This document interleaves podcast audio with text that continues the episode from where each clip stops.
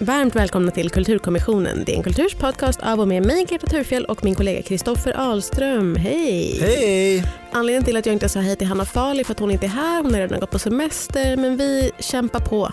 Kristoffer, Det gör vi sannerligen, ett hästarbete. vad ska vi eh, kämpa på med? Jo, den femte säsongen av Black Mirror, eh, Charlie Brookers brittiska dystopiska antologiserie som finns på Netflix. Vad vill du säga om Black Mirror? Eh, Jag skulle vilja säga någonting om hur mycket bättre alla avsnitt har blivit om jag skrev dem. För att jag liksom under tiden jag tittat så har jag skrivit och funderat så här, hmm, hur ska avsnittet sluta? Och så har alla avsnitt slutat sämre än vad de gjorde med mig som manusredaktör. Mm, din generations Charlie Brooker som du är. Ödmjukt nog. Ja. Eh, Jag ska prata om varför eh, Black Mirror inte borde få göras av en sån gammal sur sociala medier, Eh, sociala asociala medier, am I right-gubbe. Och eh, vi kommer att prata om de tre avsnitten i sin helhet så om ni inte vill få några såna sicka mindfucks som Black Mirror är så kända för spoilade så kan ni återkomma efter att ni har sett dem.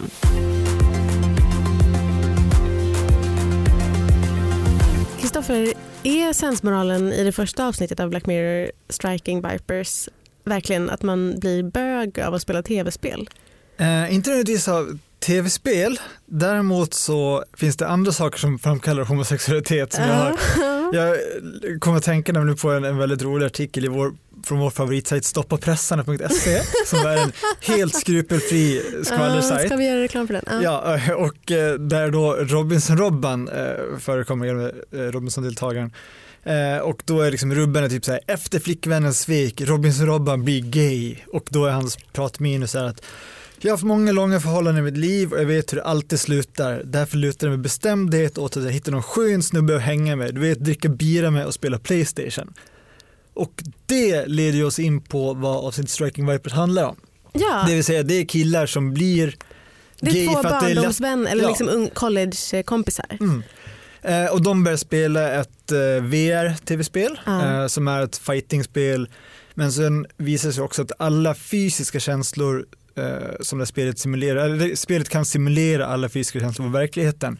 Och då, de börjar med att slåss och sen efter ett tag så inser de att men gud vi kan ju knulla. Eh, så då börjar de här två killarna att ha sex med varandra i spelet. Det är inte riktigt så det går till va? Alltså det är Nej, jag komprimerar absolut, absolut. Det här är vad det handlar om. Det är två eh, collegekompisar som har bott ihop och spelat eh, tv-spel tillsammans och sen så många år senare så möts de igen på en av de här killarnas eh, eh, födelsedagsfest och då ger den ena killen den andra killen ett ny, en ny version av det här spelet som är en, en VR-version av spelet som han sen eh, går hem och spelar och möter sin kompis i spelet. De eh, börjar slåss. Det är ett sånt klassiskt, man landar på en eh, snygg eh, liksom, eh, platå och så ska man slåss mot varandra.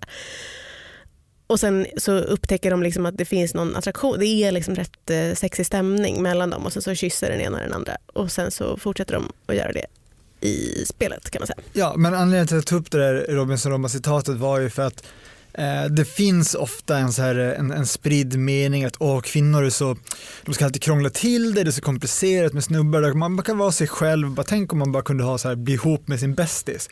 Så det känns, det kanske Jag liksom kan är säga, det är- tänker ganska många tjejer också. ja, men så här, tjejer ska alltid älta och tänka sönder och allting. Man bara, som Robinson Robban säger, dra en bira och spela tv-spel. Men sp- tv-spelet här är väl snarare bara eh, farkosten sen på svenska, alltså the vehicle som, som möjliggör det här. Eh, så att de inte behöver inom citat bli homosexuella på riktigt men de kan liksom ha eh, både en platonisk och en sexuell eh, relation tack vare tv-spel. Både och väl, för det som är liksom, eh, twisten, eller vad man ska säga, är ju att, eller det är inte en twist i serien, men twisten i deras relation då är ju att de spelar som de de spelade som som unga, varav en är liksom en kvinnlig karaktär och en eh, är en eh, manlig. Så det är ju det som är så här, jag antar att den djupsinniga frågan som man ska ställa sig är så här, är de verkligen bögar? Och det är ju typ den frågan som de ställer sig också, för sen slutar avsnittet med att de Eh, eller, De testar. de eh, testar. Ja. de ses i verkligheten, kysser varandra. Och jag jag ska fråga vad du tyckte om det här. För Den ena killen, då, han som har skänkt tv-spelet som har varit mest drivande i att de ska fortsätta eh, ha sex i spelet, mötas i spelet och ha sex. Han säger klart och tydligt så här, "Ugh, nej det där var verkligen ingenting för mig. Och den andra då reagerar på ett sätt som jag har sett så här, folk tolka lite olika. För jag tycker att det är ganska tydligt att han bara låtsas att han inte känner någonting då. För trots att han har varit den som har varit minst intresserad tidigare. Eller vad man ska Mm. säga. Och kanske mer, snarare så här, mest rädd för vad han verkligen känner. Mm, mm, mm. Ja, nej men det var, det var så jag tolkar det också, att han liksom han bara, håller med för att nej, han kommer två Jag kände inte heller någonting. Nej. Och så är det liksom tydligt att han gör det tyckte Mm. jag. Men sen har jag sett folk som bara, nej det fanns ingen attraktion mellan dem. Nej. Man bara, nej, nej, nej. Nej men det är väl snarare den liksom eh, rädslan för att man ska vara gay som också tar sig, de, det slutar också med att de, det är liksom i någon slags ja, symmetri, att de börjar tv-spelet med att slåss och sen ligger de med varandra och här så börjar de hångla och sen börjar de slåss med varandra eh, i verkligheten när de upptäcker så här att ja, ja de är lite konf konflikter kring sina känslor. Jag tycker att en sak som, var liksom, eh, som jag drabbades av var att de, de har, det känns som att de har försökt väldigt mycket att göra någonting som är så här profound, som man ska verkligen få tänka på.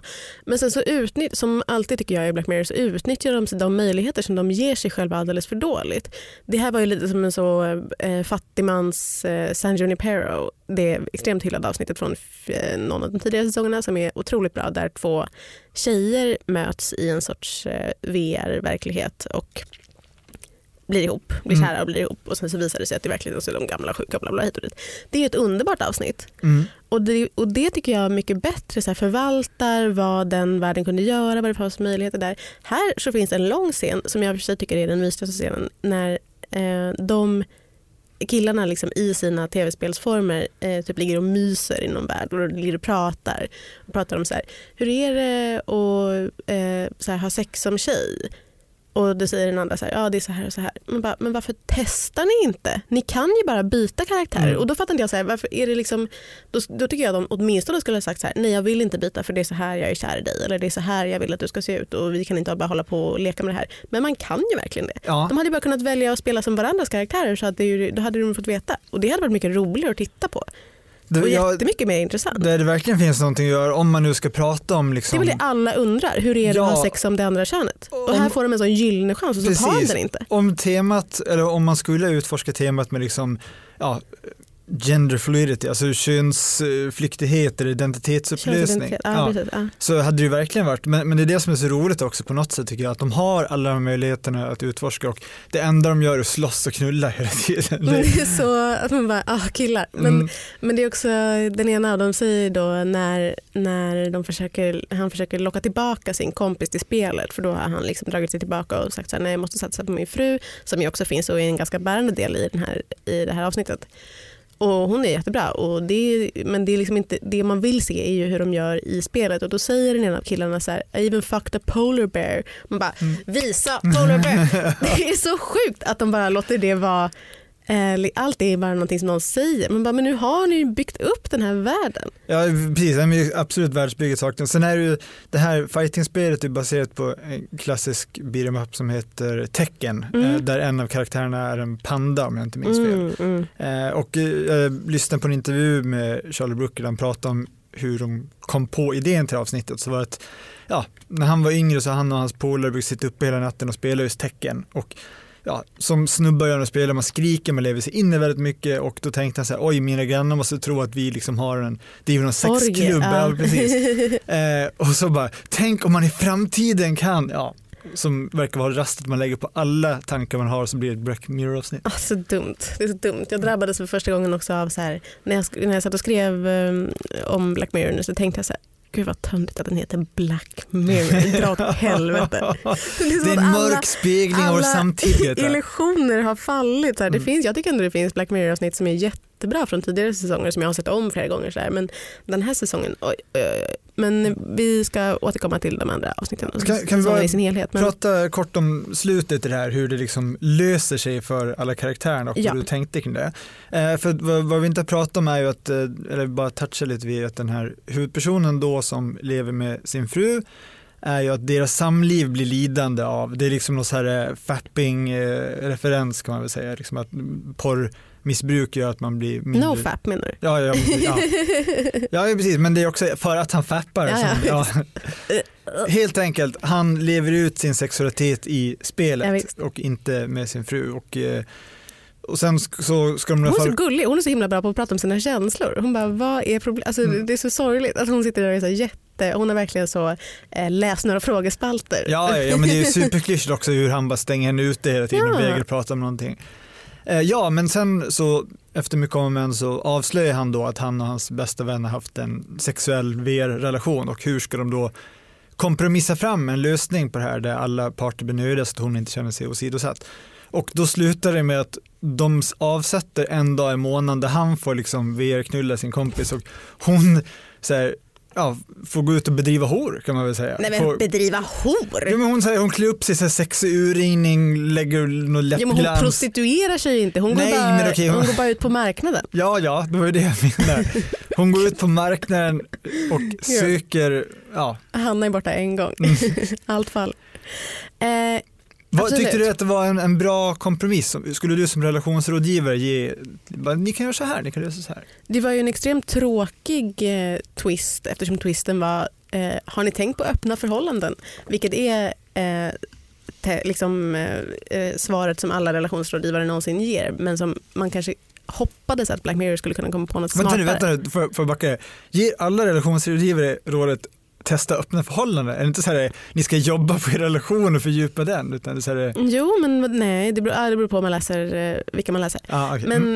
eh, nej men absolut, jag, jag, tycker att det var, jag tycker det var ett tråkigt slut. Jag tycker inte nödvändigtvis att det var orättvist. För att hon, det var ju det hon önskade sig. Hon ville ju inte själv skaffa ett spel. Nej, Eh, och hade hon velat det så hade de väl fått lösa det. Men hon önskade sig ju få gå till samma bar som hon gick en gång när en kille försökte ragga på henne och träffa en annan kille. Eller så så att, jag menar, det, det, var inte, det var inte orättvist och det var väl inget särskilt. Det var bara, det var bara tråkigt.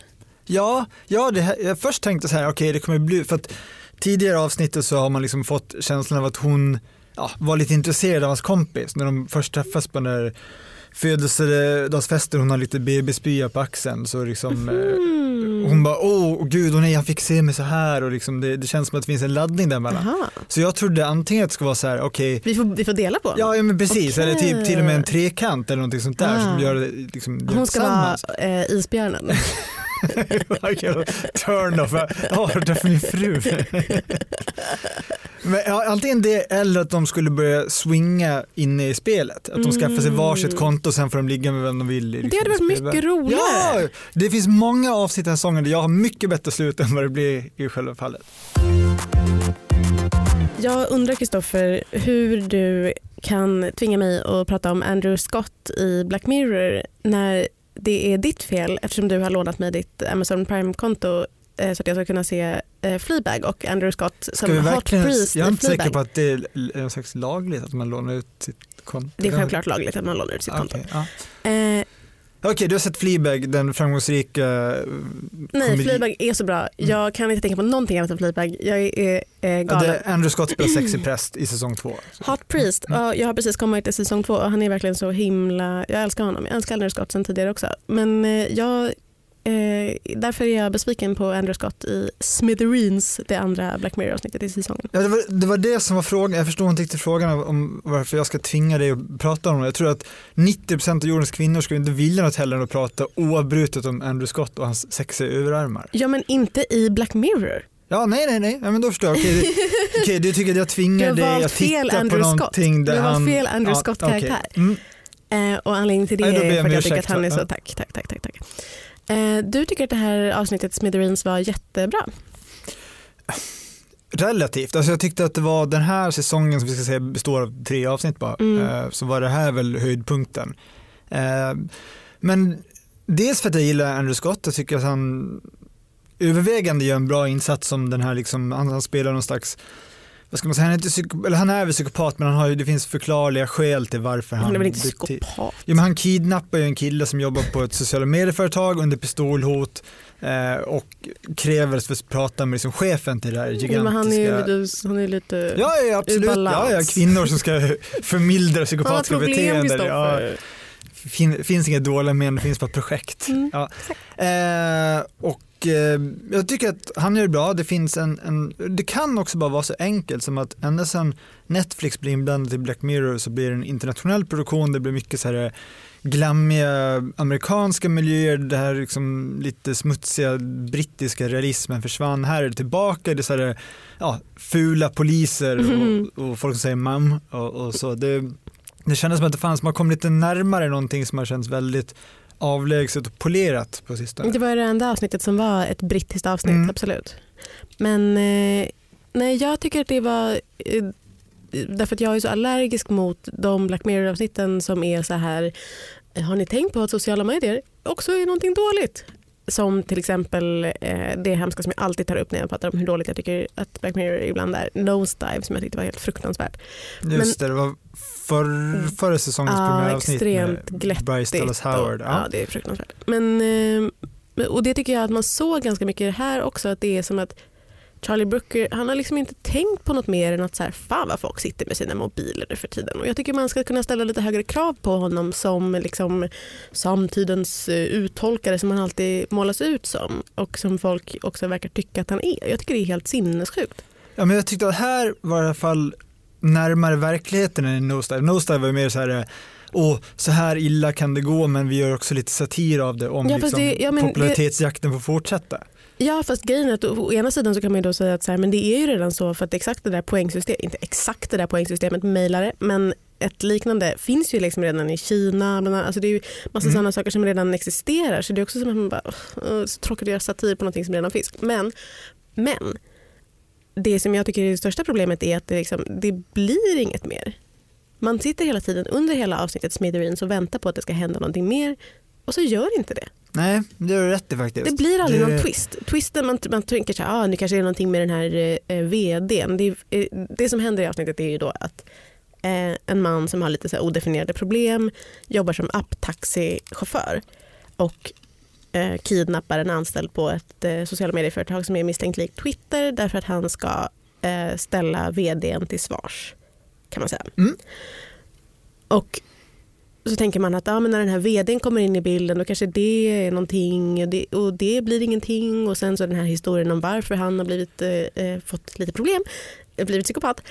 Eh, också liksom, det är inte heller något särskilt. Nej, men det är väl att han, eh, han skyller ju mer eller mindre direkt på företaget för att ja, det som skedde var en dödsolycka där han inte var uppmärksam för att han satt med ögonen ner i mobilen och han bara varför måste ni tillverka de här apparna som är så beroendeframkallande så därför vill han liksom, fast det är heller inte att han vill ställa vdn till försvars, han vill bara liksom få honom att tänka till, så här, berätta sin story så får du liksom själv reflektera om du tycker att du är en god man.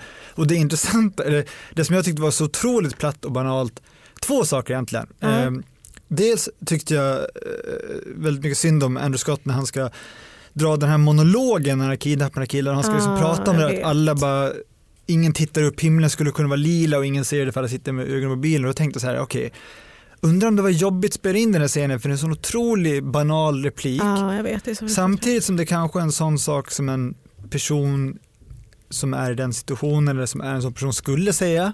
Men fan vad jobbigt att leverera som skådis och försöka få det att leva och inte känna som Nej, tycker, tråkig kille på fikarasten som Exakt. på en djupsinnig sanning. Exakt, jag tycker liksom att han gör, han gör ganska bra ifrån sig med tanke på det han har fått. Men fy fan vilken tråkig roll att spela som Ah. bara så här, en gubbe som stör sig på sociala medier. För han är ju liksom, det är också det att Andrew Scott han är inte gammal, han ska inte spela en gammal person. Det visar sig att det är... Nej, det då som har har, det kanske varit lite mer. det som har Mm. hänt är att hans fästmö eh, gått, gått, har gått bort i den här bilolyckan som han då orsakade genom att kolla på Twitter. Men men det är liksom som att man bara... Det är så, liksom, åh, det är så, det är så dumt alltihop. Det är så dumt. Och jag blir så trött på så här att eh, liksom den här, så här allergin mot sociala medier och så här what if sociala medier är asociala medier? Det är, liksom, det, är det värsta jag vet. Bra take. Eh, nej, men jag tänkte också Tack på hur, hur de eh, skildrar den här vdn eh, så är det ju extremt klyschigt. Han har manbun, han har liksom så här hippie-ideal, han har tagit in på ett silent retreat i en vecka, där han sitter och Mm. mediterar i en öken och det är bara, Som ju är en direkt koppling till Twitters vd Jack Dorsey Ja, som det- ju gör det. det är också därför Regelbundet. det känns så, ja det, det finns ingenting nytt som du säger, det kommer ingen vändning eller någonting, allt bara rullar på. Och också det här i, eh, när han då blir konfronterad med den här sanningen om hur huvudpersonens eh, fru mister livet och han själv börjar en rant om hur liksom, ja, det börjar bara som en, idealistisk Mm, dröm jag hade och mm. nu bara det sprungit mig ur händerna och det har liksom muterat till någonting groteskt som jag inte kan stå för längre.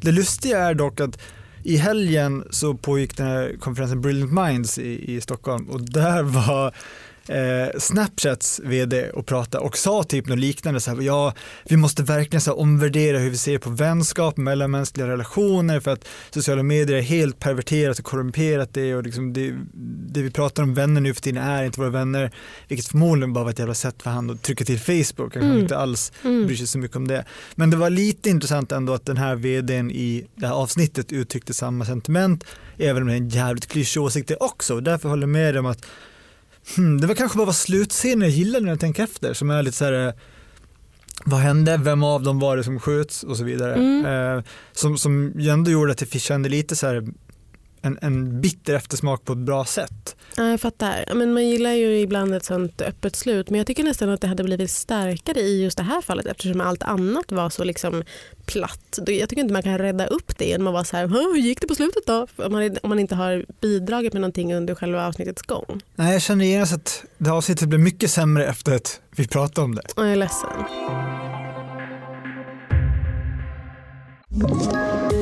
Poddtips från Podplay. I podden Något Kaiko garanterar östgötarna Brutti och jag, Davva, dig en stor dos skratt. Där följer jag pladask för köttätandet igen. Man är lite som en jävla vampyr. Man har fått lite blodsmak och då måste man ha mer. Udda spaningar, fängslande anekdoter och en och annan arg rant. Jag måste ha mitt kaffe på morgonen för annars är jag ingen trevlig människa. Då är du ingen trevlig människa, punkt. Något Kaiko, hör du på Podplay. Därför är gardinerna. Det sista avsnittet i säsongen och eh, gode gud eh, för hela Black Mirror är eh, en konstig så amerikansk tonårsfilm på typ en timme. Ja, det kan, det kan man väl säga. Eh, I korthet så handlar det om det heter Rachel, Jack and Ashley 2. Mm. Eh, och det handlar ju om en, en popstjärna som eh, spelas av Miley Cyrus, eh, vilket inte alls är en slump för att den här popstjärnan har liksom slagit igenom som en positiv förebild för unga tjejer och hon pratar om att ja, du kan göra det om du verkligen tror på dig själv. Mm. ja, väldigt så liksom motivational speech kompatibel mm. Eh, artist. Eh, och som samtidigt kämpar för kreativ kontroll men hon sitter fast i kontrakt med sin liksom, dominanta moster att det är, som styr hennes karriär och liksom hela tiden lanserar mer och mer merchandise i hennes namn och platta låtar med, med tomma budskap. Ganska alltså, catchy låt dock. Vi, vi kommer till det. Jag, faktiskt, jag, jag har en, en, en tanke kring det här med liksom just när man presenterar kultur inom kulturen och det måste vara trovärdigt. Eh, men ja, kort sagt så vill de bryta sig ut från det där och det vad de gör är att de lanserar en slags miniversion av den här eh, dockan då som heter Ashley 2 eller en miniversion av artisten som är en docka som heter Ashley 2 en slags smart högtalare minirobot som liksom ja, är ens vän och ställer massa frågor och kommunicerar med den och ska liksom inspirera en på samma sätt som artisten gör. Så det är väl liksom grundpromissen kan man säga.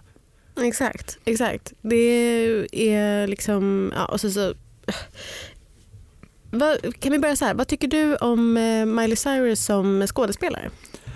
Uh, jag tyck, nu har jag inte sett Hannah Montana så jag vet inte om hon var bättre där men hon kändes inte supertrovärdig vilket är liksom ironiskt med tanke på att hon ska spela sig själv mer eller mindre. Mm. Uh, däremot så trodde jag på popstjärnan hon spelade. Mm. Jag trodde att den här, som du precis var inne på, den här låten skulle kunna bli en hit. Och så kommer jag att tänka på... Den är ju det. Ja, det, det blir en hit Det är en actual hit, ja, ja, ja, verkligen. Bra, bra ja. för den. Kul att den håller på. Det, nej, för, för då, då börjar jag tänka på så här att det finns ju, kan ju finnas ett trovärdighetsproblem om det som är en hit i den här fiktiva låten aldrig skulle bli en hit mm. i verkliga mm, fallet. Och mm. det är kul, den är ju baserad på en, eller liksom som en sorts omskriven version av en Nine Inch Nails eh, låt. Mm. Eh, som, som också kanske säger, ska säga någonting om så här, ja, vem hon är egentligen. För mm, hon är ja, så här, hon i själva verket en, ja. liksom en emo-tjej. Mm. Visade sig då. Mm. Eh, ja, nej, för att jag bara ska slida tillbaka lite i historien mm. snabbt här. Har du sett eh, Döda på sällskap? Ja, självklart. Ja, Då finns det en underbar scen där Ethan Hawke spelar en så här blyg instängd kille som typ inte tycker att han duger och Robin Williams, hans lärare, ska locka fram och då ska han så här, de ska Om du nu ska berätta för mig om Captain My Captain nej, nej, nej, nej, nej, nej, men jag ska prata om liksom ett kulturverk inom verket och att det måste vara bra för att man ska Ja, tro visst, på det. ja. Och då är den här scenen då de ska skriva varsin dikt och Ethan Hawke har inte gjort det så Robin Williams tvingar upp honom och ska han liksom så här freestyla fram någonting ur det undermedvetna Mm. och det är så här, det blir en otroligt drabbande och bra scen för att man säger ja fan det här skulle kunna bli en bra, det här, det här skulle vara en bra diktverk. bra Ja, dikt. precis. Eh, Och sånt där tycker jag alltid är intressant när man så här nu kan jag inte komma på bra några exempel där det inte funkar, men man ser ju ofta typ så här, ja, skådisar ska spela rockartister på scen och bara okej Mm. det här köper jag inte för fem öre. Filmen Festival kommer jag tänka på nu. Mm, svensk. ganska mycket liksom romaner och sånt där när någon har skrivit någonting som ska vara bra Ja. som inte är det och sånt där också. Som är lite men, men här vad tycker du om henne som skådis? Nej, men jag tycker, vad ska man säga, det är, hon, det är ingen rolig roll hon har direkt. Och hon är inte en särskilt bra skådespelare men hon är inte heller en särskilt dålig skådespelare. Det är bara att hon har en sån tråkig roll, plotten är så tråkig och liksom Ah, jag vet inte vad man hade förväntat sig riktigt. Det är ju liksom de här två tonåringarna då som, ska, som på slutet eh, som den ena av tonåringarna är ett jättestort Ashley-fan och har fått en sån Ashley Toad-docka och sen så visar det sig då att ja, det, det blir massa förvecklingar och sen så räddar de eh, skådespelaren Ashley O på slutet. Och eh, sådär. Det det bara, men, men på sätt och vis kanske det också är typ så en Hannah Montana-blink. Eller jag vet inte. Ja, det är liksom det var- det är lite så här, nu ska Hannah Montana-fansen få sitt. Men Hannah Montana-fansen är ju vuxna. Ja, De vill inte se en men de tonårsfilm. är samtidigt nostalgiker jag. men, nej, men jag tänkte på också det här Och Miley att det blir Cyrus, liksom en... eller Miley Cyrus har väl inte heller så mycket liksom barnfans längre. Nej. Nej men jag tror snarare att det var liksom en, en, en lek med tonaliteter. Att nu ska vi så här, börja som ett Black Mirror avsnitt men mot slutet så bara emulerar vi typ en, en Disneyfiering Mm. eller Hannah Montana filter på Mm. det liksom. Eh, sen lyssnade jag på, på den här poddintervjun med Charlie Brooker, han pratade om avsnittet och då sa de snarare att det var så här att ja men det finns ju alltid en risk med Black Mirror-avsnitt att det alltid ska vara det nihilistiska mörka slutet som får en att bara kravla sig ner på golvet Mm. och, och böla. Utan här vill de ha liksom någonting som var oväntat positivt. Problemet är bara att det tappar ju all trovärdighet och all laddning när det liksom bara blir ja, men som någonting ur en Herbie-film eller vad som. Jättekonstigt. Men jag vet att du eh, för att motverka det här har skrivit ett alternativt slut. Kan du inte berätta om det här alternativa Ja, slutet? Mm, Det var ju, det var för sig, då gick jag väl i, i Charlie Brookers fälla lite grann för att ungefär 20 minuter in i det här avsnittet så sa jag till min fästmö så här, nu vet jag hur det här kommer sluta. Jag skriver ner det och sen kollar vi efter avsnittet om hur rätt jag hade. Vad Och spännande. Ska du läsa upp det nu? Nej, det, tyvärr ska jag inte läsa, men jag ska läsa minnet. Men Jaha. jag vet ju ungefär vad jag skrev. Ja.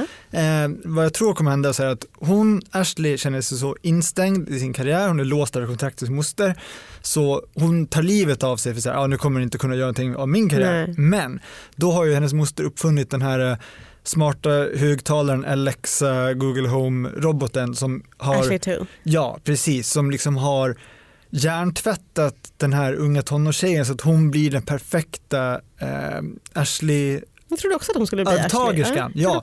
och att de genom någon slags deepfake-teknik sen så bara skulle kunna låta det här rulla på i evigheter och ersätta dem med nya tjejer varje Mm, gång. Liksom, så mm, att den här mm. karriären bara skulle ja, rulla för alltid. Dolly style. style. Precis, tyvärr så blir det inte så.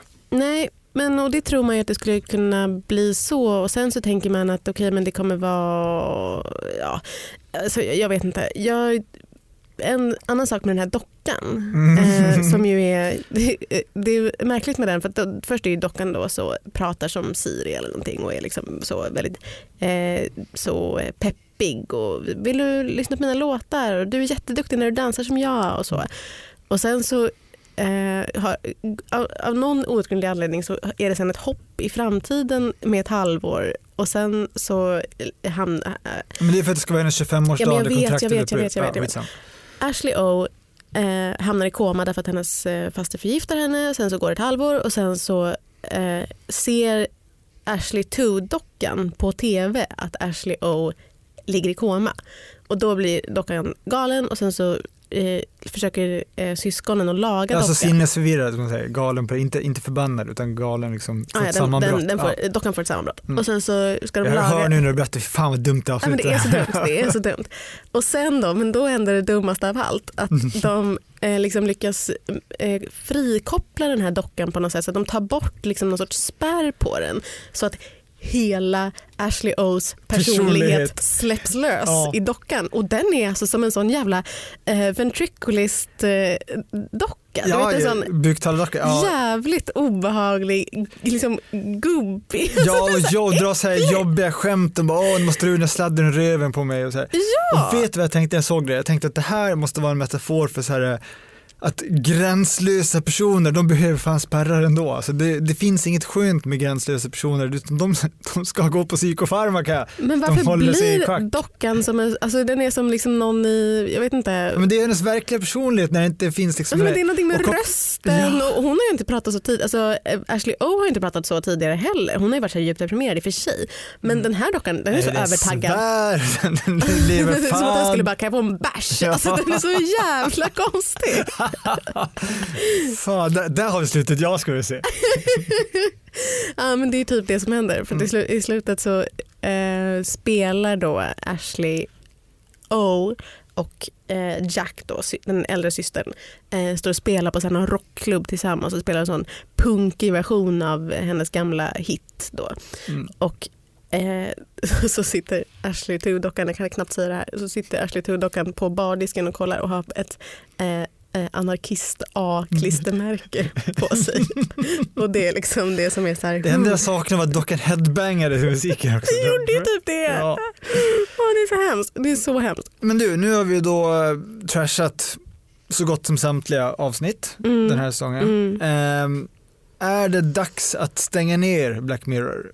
Jag, jag kan känna så här, ja på ett sätt, men samtidigt, det finns ju fortfarande så mycket att utforska i liksom vårt förhållande till tekniken och digitaliseringen. Det finns fortfarande mycket att säga om det, så det borde göra att en sån här serie har ett existensberättigande. Jag vet, jag vet Kristoffer, men jag tänker att det kanske inte är Charlie Brooker och eh, vad heter hon, Annabelle Jones Mm. som också gör eh, Black Mirror som ska göra det för jag tror att de har blivit för gamla. Och jag tror att de har gjort så mycket med Black Mirror-grejen som de kunde göra. Alltså jag tror Ah. inte att de kommer ha några nya hot eh, coola takes. Nej. Jag tänkte jättemycket på det. Jag, eh, vissa av sakerna som jag har tagit upp i den här podden om eh, eh, avsnittet Smithereens har jag också skrivit en krönika om som man kan läsa på dn.se kultur. Och i den så tog jag också upp en underbar eh, annan Netflix-serie som heter I think you should leave med komikern Tim Robinson som jag vet att jag har försökt få dig att se hundra gånger och Hanna att se hundra gånger. Inte tyckt om. Nej, det är sjukt av dig. Men eh, och det finns en så rolig... Eh, I den så finns det jättemycket så roliga takes av en relativt ung person på så hur man pratar om sociala medier och hur man så förhåller sig till sin dator eller till sin mobil. Och jag bara, jag, när jag ser det så tänker jag så här, fy fan att Black Mirror fortfarande får hålla på. Mm. För nu är alla deras takes så gamla och Ja, de är så bli- gubbiga. Och de är så, liksom, och jag menar, det är inte första gången de gör en sån tv-spelsgrej. Det här är för fan det fjärde Ja, avsnittet han är ju gammal tv-spel. tv-spelskritiker. Släpp det! Men, men eh, och jag hörde även att han för att kunna somna varje natt så lyssnar på en podd om gamla tv-spel, vintage tv-spel. Så det, Ja. det kan jag säga. någonting.